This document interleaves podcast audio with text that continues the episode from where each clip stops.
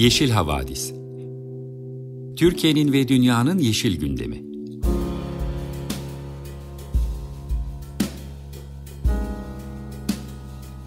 Hazırlayan ve sunanlar Demet Yaman Er, Savaş Çömlek, Dilan Altın Makas, Sare Abit ve Tansu Yeşilkır.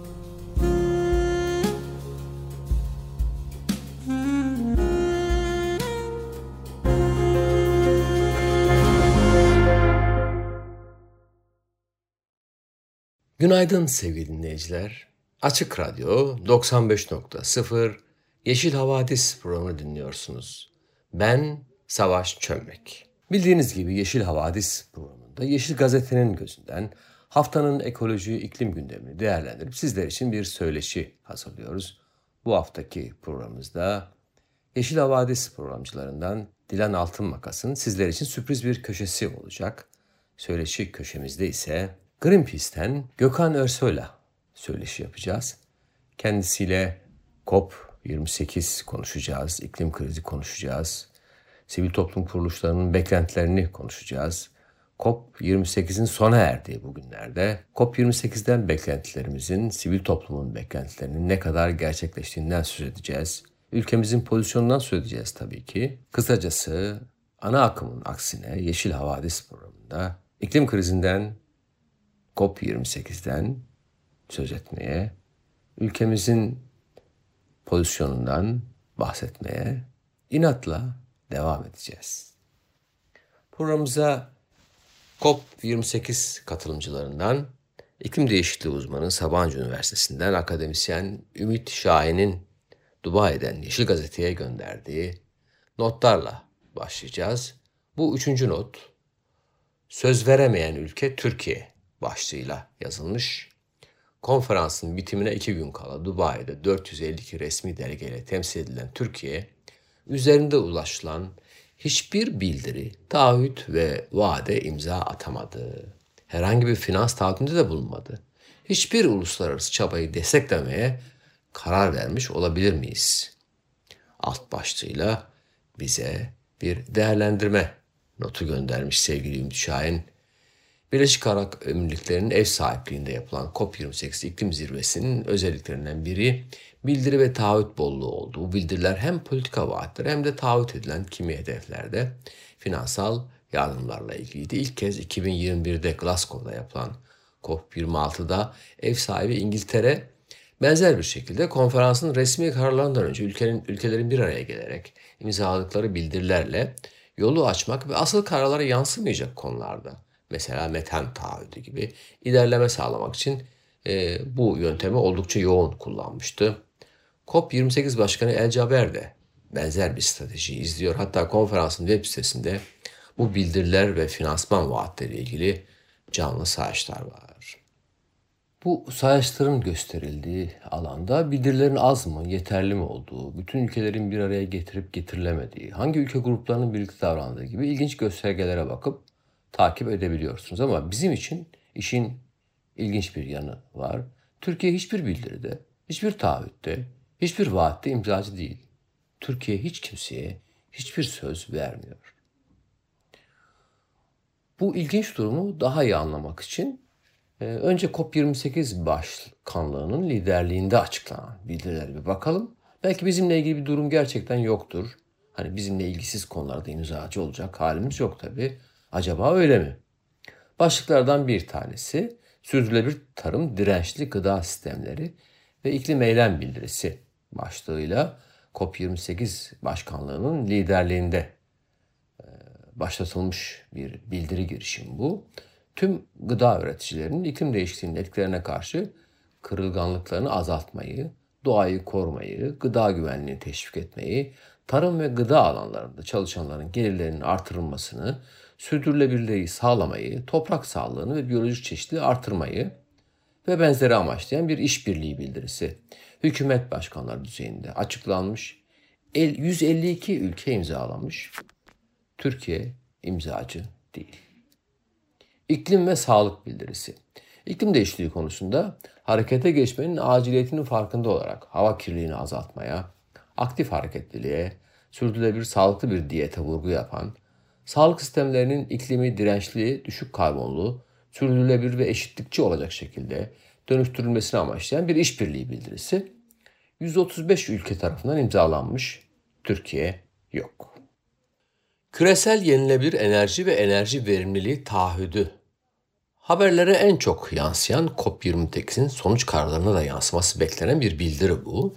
Ülkeler farklı başlangıç noktalarını ve ulusal koşulları dikkat alarak 2030 yılına kadar dünyanın kurulu yenilebilir enerji üretim kapasitesini 3 katına çıkarmayı, yıllık enerji verimliliği iyileştirme hızını, hızını 2030 yılına kadar 2 katına çıkarmak için birlikte çalışmayı taahhüt ediyor. 130 ülke tarafından imzalanmış. Türkiye yok. Türkiye Ulusal Enerji Planı'nda 2030'a kadar toplam rüzgar ve güneş kapasitesinin 2,5 katına e, çıkarmayı zaten hedeflemiş. Ama yine de bu bildiriye katılımcı olma gereği duymamış. Toplumsal cinsiyete duyarlı adil geçiş ve iklim eylem ortaklığı, iklim eyleminde toplumsal cinsiyete duyarlı yatırımları teşvik etmeyi, adil geçiş çabalarına kadınların ve kız çocukların tam, eşit ve anlamlı katılımını sağlamayı, insan haklarını, ekonomiyi, güçlenmeyi, insana yakışır işlere ve eğitime erişimi, engellileri de kapsayan sosyal koruma sistemlerini vurgulayan bir iklim adaleti bildirisi hazırlanmış. 76 ülke imzalamış. Şaşırdık mı? Türkiye yok tabii ki. İklim yardım toparlama barış bildirisi, iklim değişikliğine uyuma ve dirençliliği artırmaya yönelik bir işbirliği çağrısı bu. Adaptasyon için çeşitli finansman kaynaklarını harekete geçirmeyi, ülkelerin kapasitelerini geliştirmeyi hedefliyor. 74 ülke 43 uluslararası kuruluş imzalamış. Türkiye gene yok. Küresel soğutma taahhüdü, sürdürülebilir soğutma için HFC'lerin azaltılmasına yönelik Montreal protokolü Kigali değişikliğinin uygulanması da dahil olmak üzere çevre dostu soğutucu akışkanlara güvenli bir şekilde geçişi amaçlayan 2050 yılına kadar tüm sektörlerde soğutma ile ilgili emisyonları 2020 seviyelerine göre küresel olarak en az %68 oranında azaltmayı amaçlayan bir bildiri 66 ülke imzalamış. Türkiye yok. Ayrıca Türkiye Kigali'ye zaten taraf. Buna rağmen yine de bu anlaşmayı imzalama gereği duymamış. İklim eylemi için yüksek hedefli çok düzeyli ortaklıklar koalisyonu, hidrojen bildirisi, küresel iklim finansmanı çerçevesine ilişkin liderler bildirisi ve bunların hiçbirinde Türkiye yok. Finans taahhüdü de verilmedi. Bu yıl ayrıca çok sayıda ülkenin finans taahhütleri de geldi. Şu ana kadar 83 milyar dolar finansman taahhüt edildi. Bunun 792 milyon doları yeni kurulan kayıp ve zarar fonuna, 133,6 milyon dolar adaptasyon fonuna, 3,5 milyar doları yeşil iklim fonuna, finansman taahhütleri artık sadece ek 1 ve ek 2 ülkelerinden gelmiyor. Türkiye herhangi bir finansman taahhüdünde de bulunmadı. Bu duruşun açıklaması ne olabilir? Türkiye 2021 Glasgow'daki bildirilere seçerek imzacı olmuştu. Örneğin kömürden çıkış ve metan bildirilerini imzalamamıştı. Bunun mevcut ulusal katkı beyanına bakıp anlamak mümkündü ama atılım gündemi, elektrikli araçlar bildirisi, orman ve toprak kullanım bildirisi gibi bazı önemli bildirileri de imzalamıştı.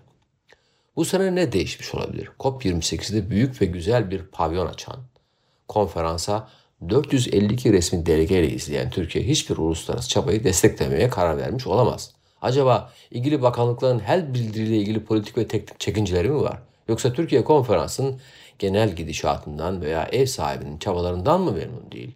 Konferansın en önemli tartışma konusu olan fosil yakıtlardan çıkışa da itiraz eden ülkeler arasındayız.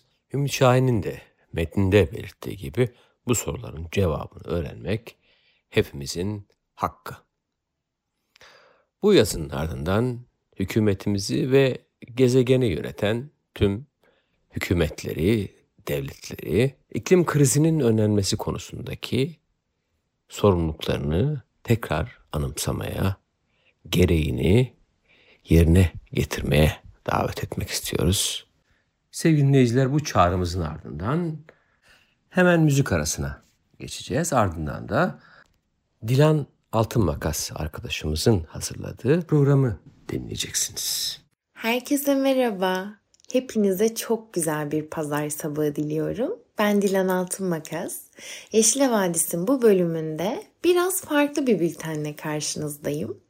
Bu bölümde ve önümüzdeki birkaç bölümde sizinle evimizde atıksız yaşamak için neler yapabiliriz, neleri değiştirebiliriz biraz bunun üzerine paylaşımda bulunacağım. Bölümü kaydederken B. Johnson'ın Sıfır Atık Ev kitabını kaynak aldığımı belirtmek istiyorum. Ben önemli detayları paylaşacağım bu süreçte tabii ki. Ancak daha detaylı bir şekilde öğrenmek, daha detaylı bir şekilde okumak istiyorum derseniz kitabı edinebilirsiniz. Yurt dışından Türkiye'ye gelen çöplerle başlamak istiyorum. İyi bir giriş olmadı ama yurt dışından Türkiye'ye gelen çöplerle ilgili dönem dönem haberler çıkıyor. Bu durum ülkemizde meydana gelen bir sürü gelişmeden fırsat kalırsa ana akım medyada da kendine yer bulabiliyor. Biz de bültenlerimizde ara ara yer veriyoruz bu duruma. Sizlere dürüst olacağım. Fark etmediğimiz büyük çöp yığınına ev sahipliği yapan bir ülkede yaşamak bir dönem atıksız yaşamak ile ilgili motivasyonumu çok baltalamıştı. Kısa sürdü bu neden kısa sürdüğüyle ilgili aklıma gelen alakasız bir örneği de e, vermek istiyorum sizlere. Sizlerle bu örneği biraz farklı olsa da paylaşmak istiyorum.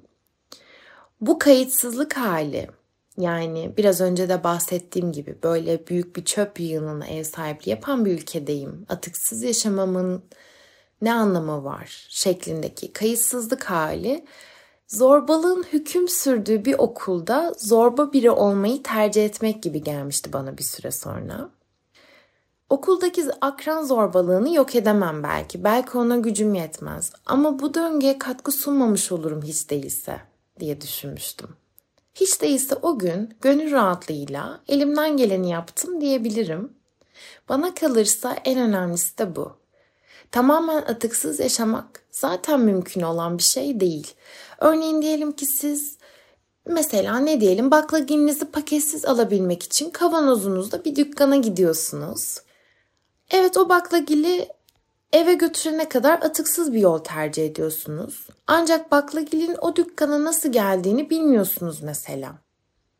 Kısacası kişinin elinde olmayan birçok durum da söz konusu burada. O yüzden kontrol edebildiğimiz, yapabildiğimiz kısımlarda elimizden gelenin en iyisini yapmaya odaklanmak daha iyi bir seçenek gibi duruyor. Geri kalan kısmın ise bizi çok hırpalamasına veya karamsarlığa düşürmesine izin vermeyelim. Onu sıfır değil de iki yapmamız düşürdüğümüz sekizin değerini asla azaltmıyor. Sözü çok da uzatmadan asıl kısma giriş yapmak istiyorum. Çoğu zaman çöpü çöp kutusuna bıraktıktan sonraki aşamayı düşünmüyoruz. Ama sonuçta attığımız o çöp buharlaşmıyor. Atıklarımız doğamızı kirletiyor. Havaya ve doğaya zehirli bileşenlerini salıyor ve sonunda atılan bu ürünlerin üretiminde kullanılan kaynaklar da heba oluyor. Sıfır atık bu yüzden çok önemli. Peki sıfır atık ne demek? Biraz önce de bahsettiğim gibi sıfır atık mümkün olduğunca az atık çıkartmayı hedefleyen bir felsefe. Birçoğumuz için atıksız yaşam genel olarak geri, dönüm, geri dönüşüm anlayışı üzerine kurulu. Ancak sanılanın aksine sıfır atık geri dönüşümü teşvik eden bir yaklaşım değil. Sıfır atık geri dönüşüm uygulamalarındaki belirsizliğe ve yüksek maliyete dikkat çekiyor. Geri dönüşüm atıklarla ilgili alternatiften yalnızca biri bu yaklaşımda ve sıfır atık modelinde yeri olsa da bu modele göre geri dönüşüm çöpler için son çare, son sığınak diyebiliriz. Peki, sıfır atık ev ortamında bizden neler bekliyor? Burada ilk olarak 5 tane basamaktan bahsedeceğiz. İhtiyacın olmayanı reddet, ihtiyaçlarını azalt, tükettiğini yeniden kullan, reddedemediğin, azaltamadığın ve yeniden kullanamadığını geri dönüştür ve kalanları komposta çürüt. Buradaki ilk iki basamak yani ihtiyacın olmayanı reddet ve ihtiyaçlarını azalt atık çıkmasına engel olurken üçüncü basamak yani tükettiğini yeniden kullan bilinçli tüketim üzerine. Geri dönüşüm ve kompost basamakları ise atıkların işlenmesiyle ilgili. Bu bölümümüzde ilk basamağın üstünde duracağız. Neydi peki ilk basamak? İhtiyacın olmayanı reddet. Atık azaltmanın temel unsurlarından biri tüketimi dizginlemek. Kısaca şu temele dayanıyor aslında. Tüketmediğimiz hiçbir şey aynı zamanda atılmayacaktır da. Sıfır atık, gereksiz atıkları fark etmek ve en başından onların evimize girmesine engel olmak demek. Bu yaklaşıma göre kabul ettiğimiz veya aldığımız her şey fazlası için talep doğuruyor. Başka bir deyişle reddetmek yerine mecburen kabul etmek müsrif uygulamaları hoş görüp güçlendiriyor diyebiliriz. Yazarımız B. Johnson kitabında tüketici toplumunda üzerinde durmamız gereken şeyleri dört başlıkta ele almış. İlki tahmin de edebileceğiniz üzere tek kullanımlık plastik ürünler. Nedir bunlar? Naylon poşetler, şişeler, bardaklar, kaşıklar, pipetler ve daha şimdi aklımıza gelemeyecek birçok ürün. Kullan at olarak düşünülen bu ürünler zehirli sanayi atıklarının üretilmesine, zararlı kimyasalların toprağa, besin zincirine ve vücutlarımıza karışmasına neden oluyor. Geri dönüşümü mümkün olmayan, doğada asla çözülmeyen ürünlerin üretimini destekliyor. Her gün yol kenarlarında, parklarda, ormanlarda gördüğümüz kirliliğin sebebi oluyor. Plastik ürünlerden kaçınmak çok zor gibi gözükse de biraz planlı olup yeniden kullanma yöntemleri tercih edildiğinde tek kullanımlık plastik ürünlerden kaçınmak mümkün. Bu kaçınma yollarından da ilerleyen bölümlerde detaylı bir şekilde bahsedeceğim. İkinci başlıkta ise ikramlar yer alıyor. Konferanslarda, organizasyonlarda, otellerde, festivallerde sunulan ürünler olarak özetleyebiliriz. Tabi burada daha bahsetmediğim şu an aklıma gelmeyen kısımlar da olabilir. Bu ürünler çoğunlukla ucuza mal edilen plastik ürünler. Yapısı itibariyle de uzun soluklu kullanacağımız bir ürün olmuyorlar tahmin edebileceğiniz üzere. Verilen ikramın içeriğine göre kolayca yıpranabiliyorlar, bozulabiliyorlar veya eskiyebiliyorlar. Üçüncü başlıkta istenmeyen postalardan bahsetmiş yazarımız.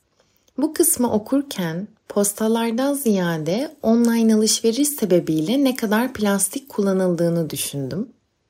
Özellikle de yoğun bir kargo alışverişinin döndüğü Kasım ayı indirimlerinden yeni çıktığımız şu günlerde aklıma bu gelmesi olmazdı. Hem atıksız bir yaklaşımı benimseyen kargo şirketlerinin olmaması ki bu konuda yeterince talep oluşturuyor muyuz onu da bilmiyorum hem de ihtiyacımız olmayan veya hemen ulaşabileceğimiz halde internetten almayı tercih ettiğimiz şeyler sebebiyle online alışverişler ve dolayısıyla plastik tüketimi çok artıyor. Gezegenimiz öyle bir tahammül seviyesinde ki şu anda düzenli olarak kendimize hayatımı kolaylaştıran bir şey bir yerlerde bir ya da birkaç canlının yaşamını zorlaştırıyor olabilir mi diye sormamız gerekiyor. Bu soruya Merve Özkorkmaz'ın plastiksiz kargo üzerine yazdığı blog yazısında rastlamıştım. Görünürde basit ama çok çok önemli bir soru bu. Konunun dağılmaması adına buna burada bir ara veriyorum. Sonrasında plastiksiz kargo üzerinde daha detaylı duracağım bir kısım olacak elbette. Dördüncü ve son başlığımız sürdürülebilir olmayan uygulamalar. Örneğin işimize yaramayan kart vizitleri veya makbuzları kabul etmek, üretici uygulamalarını değiştirmeye teşvik etmeden aşırı paketlenmiş ürünleri alıp paketleri çöpe atmak. Tüketiciler ne istediklerini üreticilere açıklarlarsa müsrif süreçler engellenebilir sıfır atık yaklaşımına göre. Bu noktada atacağımız adımı küçümsememek, bireysel davranışlarımızın nasıl büyük etkileri olabileceğini fark etmek ve buna göre hareket etmemiz çok önemli. Bu ilk basamağı özetleyecek olursak şunu söyleyebiliriz. Reddetmem o atın doğrudan ortadan kalkmasını sağlamasa da alternatifleri için birliğin gücünü ortaya çıkarıp talep yaratır. Özellikle bizim gibi kültürlerde iyi niyetli bir şey ikram edildiğinde kabalık etmeyi veya geleneklere aykırı hareket etmeyi çoğu kişi istemez. Bu noktada yazar biraz pratikle ve kısa açıklamalarla en kibar ikramların bile geri çevrilebileceğine değiniyor. Mesela örnek verelim birkaç cümle isterseniz. Tabii siz bunu duruma göre farklı şekillerde değiştirebilirsiniz. Üzgünüm hayatımı sadeleştirmeye çalışıyorum. Üzgünüm kağıtsız yaşama geçtim gibi. Evet, bu bölümlük burada bırakalım.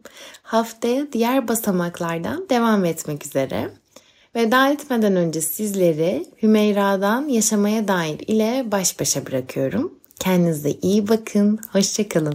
Günaydın sevgili dinleyiciler. Açık Radyo 95.0 Yeşil Havadis programının söyleşi köşesindeyiz. Bugün inatla COP28'i ve iklim krizini konuşmaya devam edeceğiz. Sivil toplum te- temsilcileriyle bir süredir görüşüyoruz. COP28'e katılan ya da katılamayan, uzaktan takip eden ama uzun zamandır iklim değişikliği alanında düşünen ve mücadele eden sivil toplum kuruluşları.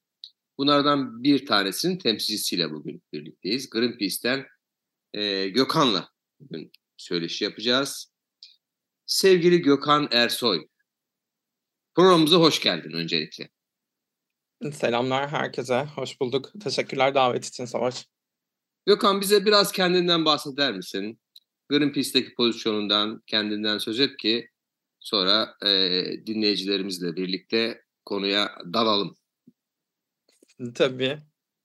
Ee, ben aslında üniversiteden mezun olduktan sonra akademide devam ediyordum e, çalışmalarıma. E, kamu yönetimini bitirdikten sonra master'ımda e, çevre hareketlerinin aslında biraz daha teorik kısmındaydım. Toplumsal hareketler literatüründe e, Türkiye'deki atık protestolarını inceliyordum. Neden ortaya çıkıyor, nasıl gelişiyor, sürekliliğini nasıl sağlıyor şeklinde bir master tezi yazıyordum. Daha sonra doktoraya geçiş aşamasında da bu tezin e, bu hareketleri, bu mücadeleleri e, hangi koşullarda başarıyı getiriyor, hangi koşullar getirmiyor kısmını farklı bir literatürden taramak için çalışmalara bakarken, fırsatlara bakarken bir gün Greenpeace'in iklim ve enerji proje sorumlusu ilanını gördüm. Açıkçası hiç aklımda da olmayan bir dönemdi. Sonra neden teoriden sonra aslında bir değişim pratiğini baksam nasıl olur, birkaç tecrübeyi sahadan edinsem, işler aslında konuştuğumuz, yazıştığımız şeyler asıl aktivistlerin e, frontline dediğimiz ön saflarda mücadele ettikleri alanlarda nasıl cereyan ediyor. Bunları gördükten sonra çalışmalarıma tekrar devam ederim diye düşünmüştüm ama o gün bugündür yaklaşık 5 yıl oldu. Hala Greenpeace'teyim. Bakalım gelecek günler neyi gösterecek. Burada daha çok iklim e, projeleri, iklim kampanyaları e, ve özellikle hava kirliliği alanındaki çalışmalarda görev alıyorum. Ee, Gökhan'cığım sana şöyle bir soruyla başlayalım. Genellikle böyle başlıyoruz sivil toplum temsilcileriyle görüşmeye. Ee, zaten bir süredir iklim düşünen, iklim çalışan, iklim için mücadele eden sivil toplum kuruluşlarıyla görüşüyoruz. Greenpeace'in de diğer sivil toplum kuruluşları gibi COP28'e e, gelmeden önce bu alandaki bir mücadelesi, beklentileri ve hedefleri var kuşkusuz. Bu hedeflerle karşılaştırıldığında COP28'in artık sonlandığı bu günlerde durumdan memnun musunuz? Nereye geldik? Ne hedefliyorduk? Ne bulduk? Hayal kırıklığı mı COP28? Yoksa bir şeylerin başarıldığı bir toplantı diyebilir miyiz? Senden değerlendirmeni rica etsek. Ya, tabii. Ya, açıkçası dürüst olmak gerekirse bu konuda hepimizin mutabık olabileceği tek somut doğru bir cevaba ulaşmak biraz e, zor gibi gözüküyor. Yani çünkü 92'de ilk çerçeve sözleşme imzaya açılmıştı. E, Berlin'de başlayan ilk taraflar konferansıyla 28 kere 28 yılda bir araya geldiler. Daha öncesiyle 30 yıldan fazla bir iklim diplomasisine tanıklık ediyoruz yıllarca biz sivil toplum tarafındaki insanlar olarak, dünya vatandaşları olarak. Yani tarihi bir zirve olarak e, konuşuluyor, e, bazı kesimler tarafından lanse ediliyor. E, yani bunun tam olarak reddetmek mümkün değil. Ama yani 30 yılın sonrasında da e, elde ettiğimiz bu anahtar kavramlar, e, başarı olarak nitelendirebileceğimiz şeyler aslında ne kadar bir dişin kabuğunu dolduruyor bunlara bakmak gerekiyor. Yani aslında çözüm net, reçete belli. Fosil yakıtlardan çıkış. bu konuda hiç kimsenin itirazı yok. Ama bu söylemi eyleme dökmek gerekiyor. Eyleme dökmek için de uluslararası arasındaki bu sözleşmelerle e, aslında eylemlerimizi kalıcı hale getirecek taahhütleri vermemiz gerekiyor. Ama biz imtinayla fosil yakıtlardan çıkış e, kavramından uzak duruyoruz. Ben bunu biraz şeye benzetiyorum. Bilmiyorum belki hatırlar mısınız? Bir zamanlar TRT'de e, açıkçası benim de yaşım yetmiyor ama zaman zaman sosyal medya sağ olsun Reels'ten önümüze düşen videolardan görme şansım olmuştu. E, bir yarışma programı vardı. Fatih Erkoç sanırım e, sunuyordu. E, rastgele e, seyircilerden birisini sahneye çıkarırdı. Ona e, random sorular sorardı ve evet ve hayırı kullanmadan e, cevaplar vermesini isterdi. Ben biraz buna benzetiyorum açıkçası bu zirvelerdeki bu fosil yakıt mücadelesini. E, çünkü hükümetler, delegeler fosil yakıtlar kavramını kullanmadan fosil yakıtlardan çıkmayı ima edecek kelimeleri bulmakta, bir araya getirmekte ve bunların altına imza atma konusunda çok başarılılar, çok yetenekliler. Ee, bu senenin sonunda da her ne kadar biz tarihi zirve desek de aslında biliyorsun planlanandan da daha uzun sürdü zirve. Bir gün aksadı, tartışmalar e, uzadı. Özellikle e, ada ülkeleri, devletleri, temsilcileri bir noktada e, bu deklarasyonun altına, bu mutabakatın altına imza atmayacaklarını söylemişlerdi. E, daha sonra fosil yakıtların kullanımından uzaklaşalım diye bir kavramla orta yol bulundu. Aslında dokümanın ilk versiyonlarında fosil yakıtlardan çıkış vardı. E, bu yüzden e, tarih anları tanıklık ettiğimiz e, biraz roller coaster e, macerasına benziyordu. Yüksek yerleri de vardı. E, çok etkili, efektif e, çıktıların olabileceği. Ama daha sonra gitgellerle ne yazık ki düşük tonların olduğu yerden de e, elimizde bir fosil yakıtların kullanımından uzaklaşma tabiriyle çıktık. Ama öteki taraftan ya mesela e, yine çok çok iyi olmasa da e, aslında bir tür köşe taşı diyebileceğimiz başka gelişmeler de oldu. Bunlardan bir tanesi zarar kayıp fonunun e, bir önceki yıl konuşulan, e, dile getirilen bu yıl ilk kez e, taahhütler verildi. E, 700 milyon dolarlık yaklaşık bir finansman sağlandı. E, bu önemli bir gelişme ama bu önemli gelişmenin sonucu etki etmesi için hükümetlerin verdikleri bu sözleri, e, bu bütçe yaratma, kaynak yaratma sözlerini ne kadar tutacaklarına da e, bağlı. Yani gelecek günler gösterecek. Hatırlarsan önceki COP'larda iklim finansmanı konusunda çok konuşulan bir 100 milyon dolar hedefi vardı. E, OECD'nin e, bununla ilgili bir tracking tracker vardı o tracker'da 5-6 yılda her yıl 100 milyar dolar bir kaynak yaratılacaktı ve bu e, iklim değişikliğiyle mücadele için çeşitli alanlarda özellikle dezavantajlı konumda ve sorumluluğu az olan e, ülkeler tarafından kullanılacaktı. Türkiye'de çokça peşinden koştu bu fonun. Hatta uzun süre Paris'i e, mecliste onaylamamasının gerekçelerinden bir tanesi çeşitli finansmanlara erişmekti. E, o 100 milyon dolar hedefi hiçbir yıl açık tutturulamamıştı. En fazla son yıllara doğru 70-80 milyon dolar bandına erişilmişti. Bu bahsedilen 700 milyon e, dolar da gerçekten bir havuzda birikecek mi ve gerekli yerlere gidecek mi? E, onu hep birlikte göstereceğiz. Yani bu yüzden yani ümit vaat ediyor, umut vaat ediyor. Daha fazla mücadele etmemiz için bize araç bazı belirli araçları sunuyor. Ama gelecek ne yazık ki hala belirsiz. E, bu belirsizliğin ardında da fosil yakıt lobilerinin varlığından söz etmemek e, mümkün değil. Zaten COP'un sonundan bahsettik ama böyle bir başını da hatırlarsak e, zaten büyük e, fiyaskolarla başladı. E, karşılıklı atışmalarla başladı. E, hatırlarsan OPEC bir ara Uluslararası Enerji Ajansı'na e, bir çıkış yaptı. Özellikle bu karbon yakalama e, teknolojileriyle ilgili. E, en büyük sorunlardan bir tanesi de bu bildiğin gibi yani çözümün reçete belli dedik. Bizim fosil yakıtlardan arındırılmış bir dünya kur, kurarken temiz, sürdürülebilir, yenilebilir enerji etrafında bir yeni kurgu, yeni bir sistem yaratmak gerekirken bunun fosil yakıtları olan bağımlılığı, bağlılığı ve bundan kar etme amacından ve vizyondan vazgeçmemek için bazı yanlış bizi patikalara sokacak çözüm araçlarında e, bu lobiler ne yazık ki e, zaman zaman sunuyor ki bunlardan bir tanesi de karbon depolama teknolojileri.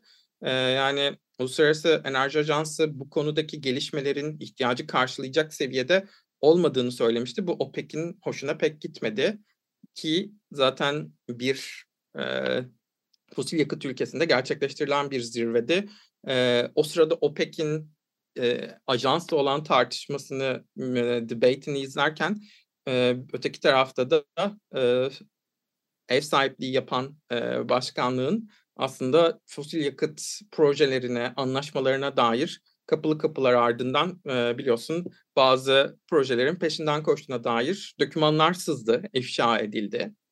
E, tam onun e, devamında 2030 bizim için çok kilit bir dönüm noktası. Yani 2053'te biz karbon sıfır bir dünya kuracaksak ve 100 yılın sonuna kadar küresel ısınmayı bir buçuk derece hedefiyle e, gerçekleştireceksek 2030'da bizim 2020 e, yılındaki küresel karbon ayak izimizi %40 ile 45 civarında bir e, indirmemiz gerekiyor seviyede. E, ama Birleşmiş Milletler'in bir raporu o COP'un ilk günlerinde veya COP'a giderken açıklanmıştı. Emisyon açığı raporuydu Türkçe'ye kabaca çevirmek gerekirse. E, aslında hedeften çok uzak olduğumuzu gösteriyor ki e, bu da aslında ülkelerin iklim politikalarının ve taahhütlerinin ne kadar zayıf olduğunu söylüyor. Bugünkü projeksiyonlar bizim %40 azaltım beklediğimiz bir gelecekte %2 ile 7 arasında mı değişiyordu sanırım sayı tam hatırlamıyorum ama gerçekten yani onda biri bile diyemeyeceğimiz bir e, azaltım söz konusu ki iş böyle olurken gidişat bırakın bir buçuk derece şöyle dursun, iki derece şöyle olsun. Bu NDC'lerle, e, bu katkı beyannameleriyle 2.9 derecelik sıcaklık artışları bizi bekliyor. 2.9 e, derecelik sıcaklık artışı ne demek? Bugün içinde olduğumuz krizler dünyasının kat be kat zorlusunun, kat be kat e, felaket senaryolarının daha da zorlayıcı ve zor şartlarda olduğu günlük bir yaşam bizi bekliyor. Yani birileri fosil yakıtlar üzerinden zenginliğine zenginlik katmaya devam ederken e, ne yazık ki bunun bedelini ödeyenler bizler olacağız. E, bunlardan da en çok etkilenenler aslında e, bu krizde sorumluluğu en az olan ülkeler ki bu zar kayıp zarar fonu da aslında onlar için e, dile getirilmişti, onlar için tasarlanmıştı. Yani yaklaşık 40 tane ülke mesela az gelişmiş ülkeler bloğunu e, dikkat dikkate alırsak Afrika'dan, e, Asya'dan ve çeşitli ada ülkelerinden ki yok olmakla karşı karşıya kalan e, deniz seviyesi yükseklikleri karşısındaki ada ülkelerinden bahsediyoruz. Yani bunların e, gerçekten krizle mücadele etme kapasiteleri de çok zayıf e, ve ne yazık ki kendi yapmadıkları bir e, krizin içinde boğuşmak zorunda kalıyorlar. E, bunlara karşı Greenpeace e, ne talep ediyor? Yani genel küresel iklim hareketinin talepleriyle birlikte artık dediğimiz gibi adil, hiç kimseyi geride bırakmayacak şekilde hızlı e, gaz olsun, kömür olsun, e, bütün fosil yakıtları geride bırakacağımız 2023 e, 2023 diyorum e, 2030'a kadar yenilebilir enerji sektöründeki yatırımları, kapasiteyi 2-3 katına çıkaracağımız ve iklim finansmanını, iklim finansmanı çünkü önemli. E, bu araçları gerçekleştirmek için kaynağa ihtiyacımız var. E, kaynak olmadan aslında konuşmaktan öteye gitmiyor. Yani lafla da peynir ekmek gemisi ne yazık ki yürümüyor. Ee, bunları istiyorduk, bunları talep ediyorduk. Ama günün sonunda e, dediğim gibi biraz daha belirsiz bir gelecekle e, sanki biraz buruk bir sevinç diyebileceğimiz bir kopu e, geride bıraktık diyebiliriz. Peki Gökhan, e, Greenpeace'in bir son çağrısı vardı geçen yılki iklim kampanyası ile ilgili. O son çağrıdan biraz bahseder misin? E, neydi Greenpeace'in son çağrının e, içeriği neydi? Nelerden söz etmiştiniz? Belki Tabii. daha net olur. Ee, ya az önce 2030 hedefinden bahsetmiştim. Aslında bizim bu iklim için son çağrı kampanyasındaki e, bahsettiğimiz zaman periyodu 2030 yılına kadar ki o köşe taşına kadar olan ki vakitteki çok değerli olan ama bir o kadar da kısıtlı olan zamanda çok şey yapmamız gerekliliği bu sorumluluğu hatırlatmak. Bu sorumluluğu kime hatırlatıyoruz? Fosil yakıt şirketlerine hatırlatıyoruz. Fosil yakıt şirketlerini durduracak, onların hareket alanlarını düzenleyecek e, dünya devletlerine sesleniyoruz. Yani çünkü artık e, iklim krizinin insanlık tarihini göz önüne alındığını aldığımızda e, eşi benzeri görmemiş büyük ölçekte, ölçekteki etkileriyle karşı karşıyayız ve kanıtlar yatsınamayacak ya e, aksi iddia edilemeyecek durumda. Zaman zaman her ne kadar e, iklim inkarcılarıyla bazı platformlarda karşı karşıya gelmiş olsak da e, iklim için son çağrı bu bizim en son e, 6. değerlendirme raporu dediğimiz IPCC raporundaki bulgulara dayanarak e, bu küresel ısınmayı bir buçuk yılında kadar sınırlandırmak için 2030 yılına kadar oldukça sınırlı olan zamanda doğru ve hızlı kararlar alması gerekliliğini ifade ediyor ve iklim acil durumu içerisinde olduğumuzu tekrar tekrar hatırlatmak istiyoruz biz bu çağrıyla. Çünkü belli ki birileri bu mesajı almıyor, bu çağrıya kulak vermiyor. Ee, mesela bir rapor yayınlamıştık birkaç ay önce 2023 senesinde. sadece Avrupa'daki e, 12 tane petrol ve gaz şirketinin e, 2022 yılındaki profillerini biraz inceledik ve biz fosil yakıtlardan çıkalım, enerji dönüşümünü hızlandıralım, enerji tasarrufu, verimliliği yapalım derken e, aslında eski tamam, e, eski hamam, eski tas e, mantalitesiyle fosil yakıt şirketlerinin bildiğini, okuduklarını e, devam ettiklerini gördük. E, bize bunu söyleyen de ne oldu? 2022 yılında yaptık karlarını %75 arttırdıklarını gördük biz fosil yakıtlardan. Yani aslında yani dönüşümü yapacak, yenilenebilir enerji yatırımlarına yapacak kaynaklara fazlasıyla sahip olduklarını gösteren bir sayı bu. %75 inanılmaz bir rakam bir senede artış için. Ama gelin görün o para nereye yattı daha sonra veya daha önce elde ettikleri karlar.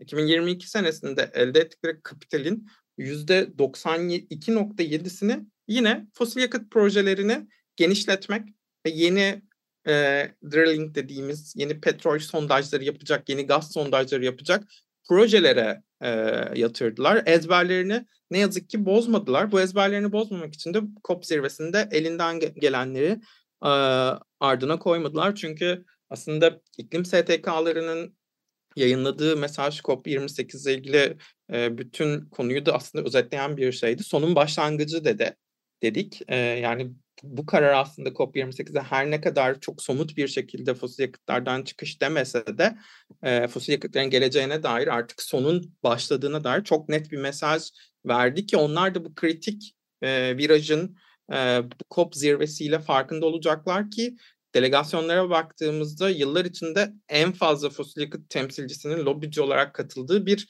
yıla biz tanıklık ettik. Bu da ilginç bir doneydi.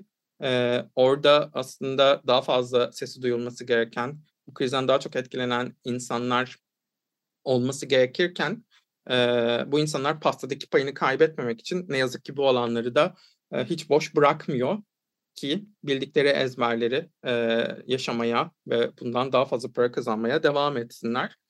E, biz burada küresel bir e, soruna herkesin ortak ama farklılaştırılmış sorumluluklar çerçevesi Paris Anlaşması'nın metninde olduğu gibi e, dünya devletlerine dair bir çağrımız vardı. E, iklim zirvesinde doğru kararların alınması için e, dünya devletleriyle birlikte Türkiye hükümetine de biz bu çağrıyı aynı şekilde yapıyoruz.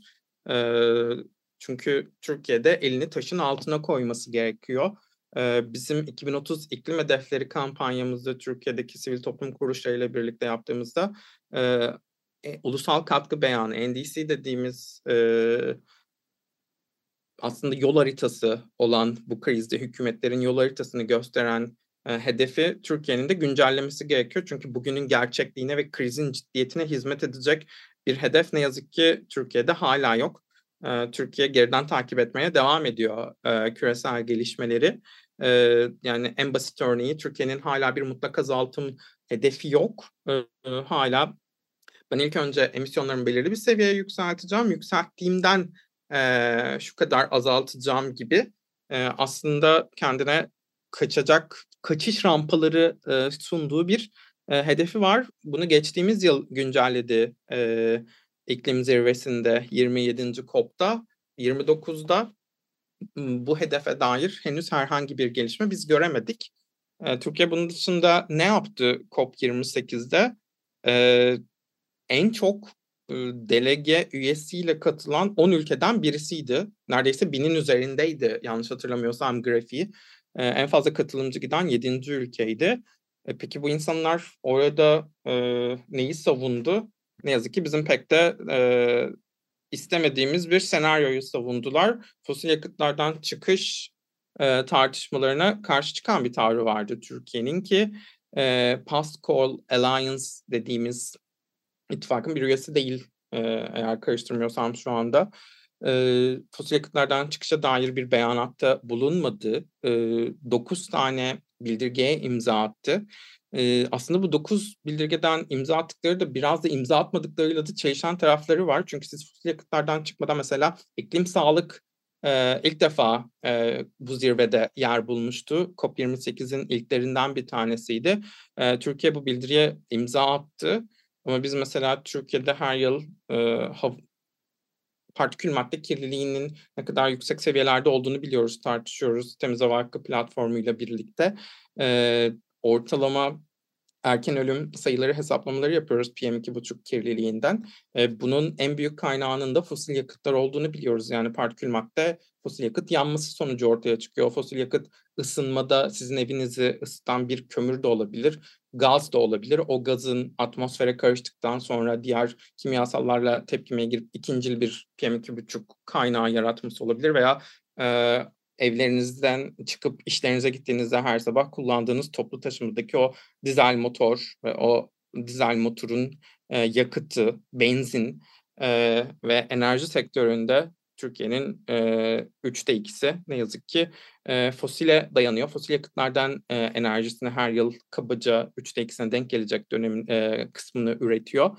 Ve bunun da bir bedeli oluyor. E, bu bedelde e, ortalama bir figür söylemek gerekirse her yılki koşullara göre değişiyor tabii bu sayı ama e, 40 bin küsur erken ölümlerden bahsediyoruz. E, siz bir tarafta iklim sağlık dengesini gözetmeye çalışırken öteki tarafta e, fosil yakıtlardan çıkışa dair bugün Türkiye'nin henüz ne kömürden ne de diğer fosil yakıtlardan kademeli çıkışa kadar e, bir planı, bir hedefi, bir taahhütü bulunmuyor. Bunu nasıl yapacaksınız? Bu bir soru işareti. E, bunun yanında e, yani Türkiye güneşin ülkesi olarak adlandırılıyor, konuşuluyor. Gerçekten güneşlenme gün sayısı olarak e, çok şanslı bir ülkeyiz. E, bu zirvedeki e, ittifaklardan bir tanesi de küresel objektifler doğrultusunda mevcut yenilenebilir enerji kapasitesini 3 katına arttırmaktı. Türkiye buna da imza atmadı. Ama e, mesela öteki taraftan e, hiçbir somut e, iş kağıt üstünde gözükmezken kayıp zarar fonundan faydalanmak istediğini de belirtti. Bundan da geri kalmadı ki bu aslında bizi şaşırtmadı. Türkiye'nin iklim zirvelerinde en çok yaptığı şeylerden bir tanesi finansman kovalamaktır. Ee, yine yeni e, çatısı ve e, belirlenen şekil alan bir fonunda talibi olduğunu belirtti. Ama yani burada kendisini kırılgan ülke sıfatıyla e, anlattı. Ama kırılgan ülke ülke kavramında açıkçası nasıl bunun dayanağını oluşturuyor bunu bizler de duymak isteriz, bilmek isteriz. Evet Akdeniz havzası en çok etkilenecek bölgelerden bir tanesi. Evet Türkiye Avrupa'da iklim krizinden en çok etkilenecek 2-3 ülkeden birisi. En fazla Avrupa'da bizi vuracak o ülkelerden birisiyiz. Ama bizden çok daha dezavantajlı konumdaki coğrafyalar var. İklim krizinin en yakıcı etkilerini bizden kat ve kat daha fazla hem kitlesel anlamda insan sayısı olarak daha çok bundan muzdarip olan coğrafyalar varken e, açıkçası kırılgan ülke e, profili biraz havada kalıyor gibi.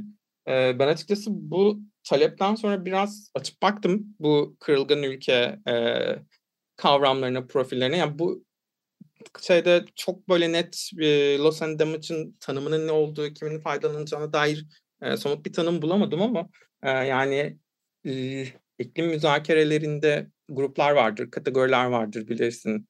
E, mesela least e, developed countries dediğimiz grup en az e, en az gelişmiş ülkeler e, kategorisi. Burada Afrika'dan ağırlıklı olarak e, yaklaşık 40 ülke var ve ada devletleri var. E, bu Birleşmiş Milletler bunları hangi göstergelere göre e, az gelişmiş ülke olarak sınıflandırıyor diye baktım. Çünkü krizden en çok etkilenecek e, coğrafyalardan bir tanesi ve e, tam olarak da bir sayı vermek gerekirse biz burada yaklaşık 40 ülkeden bahsediyoruz e, ve bu 40 ülkede e, neredeyse 1 milyondan fazla insan yaşıyor. Bu 1 milyon insanın bu küresel krizdeki payı %1 bile değil, %1'den daha az bir e, şeye tekabül ediyor. E, Birleşmiş Milletler e, tane indeks, ind, bir indeks belirlemiş bu kategoriyi tanımlarken. E, bunlardan bir tanesi gayri safi milli hasıla.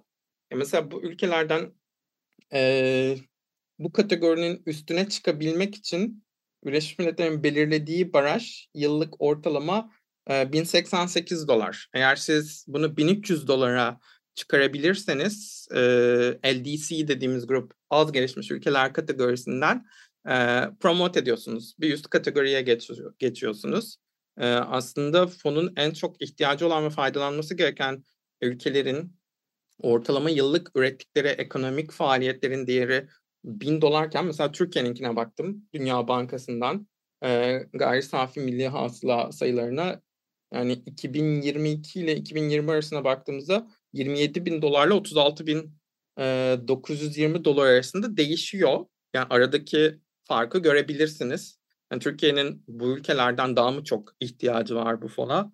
E, tabii ki de hayır. E, gerçekten biz iklim için bir finansman elde etmek istiyorsak öncelikli olarak mesela kapasite mekanizması dediğimiz e, fosil e, yakıtları özellikle Türkiye'de kömüre, kömürden enerji üretmeye, elektrik üretmeye destek olmak için oluşturduğumuz havuzdaki parayı yenilenebilir enerjiye çevirerek, musluğu öteki tarafa açarak aslında bu istediğimiz finansmanı yaratabiliriz. Ve bu finansmanı yarattığımızda, bu dönüşümü sağladığımızda e, sadece gezegendeki bu krize bir cevap vermiş olmayacağız. Aynı zamanda doğrudan bizim günlük yaşamımızı e, etkileyen ekonomik krize de e, bir etkisi olacak. Yani çünkü biz elektriği üretirken kullandığımız yakıtların petrol olsun, gaz olsun, kömür olsun büyük bir kısmını yurt dışından ithal ediyoruz. Yüzde 78'e denk geliyor. Ee, mesela Ember'ın bir çalışması vardı. Diyor ki Türkiye'de güneş ve rüzgar ile üretilen elektrik bir yıl içinde 7 milyar e, dolarlık bir kazanım elde etti sağladı. Çünkü biliyorsunuz yenilebilir yakıtlarda bir girdi maliyeti yok. E, henüz kimse güneş ve rüzgara bir mülkiyet kuramadı. E, bu da bizim yurt dışından ithal ettiğimiz e, enerji faturamızın bir aylık bedelinden tasarruf etmek anlamına geliyor.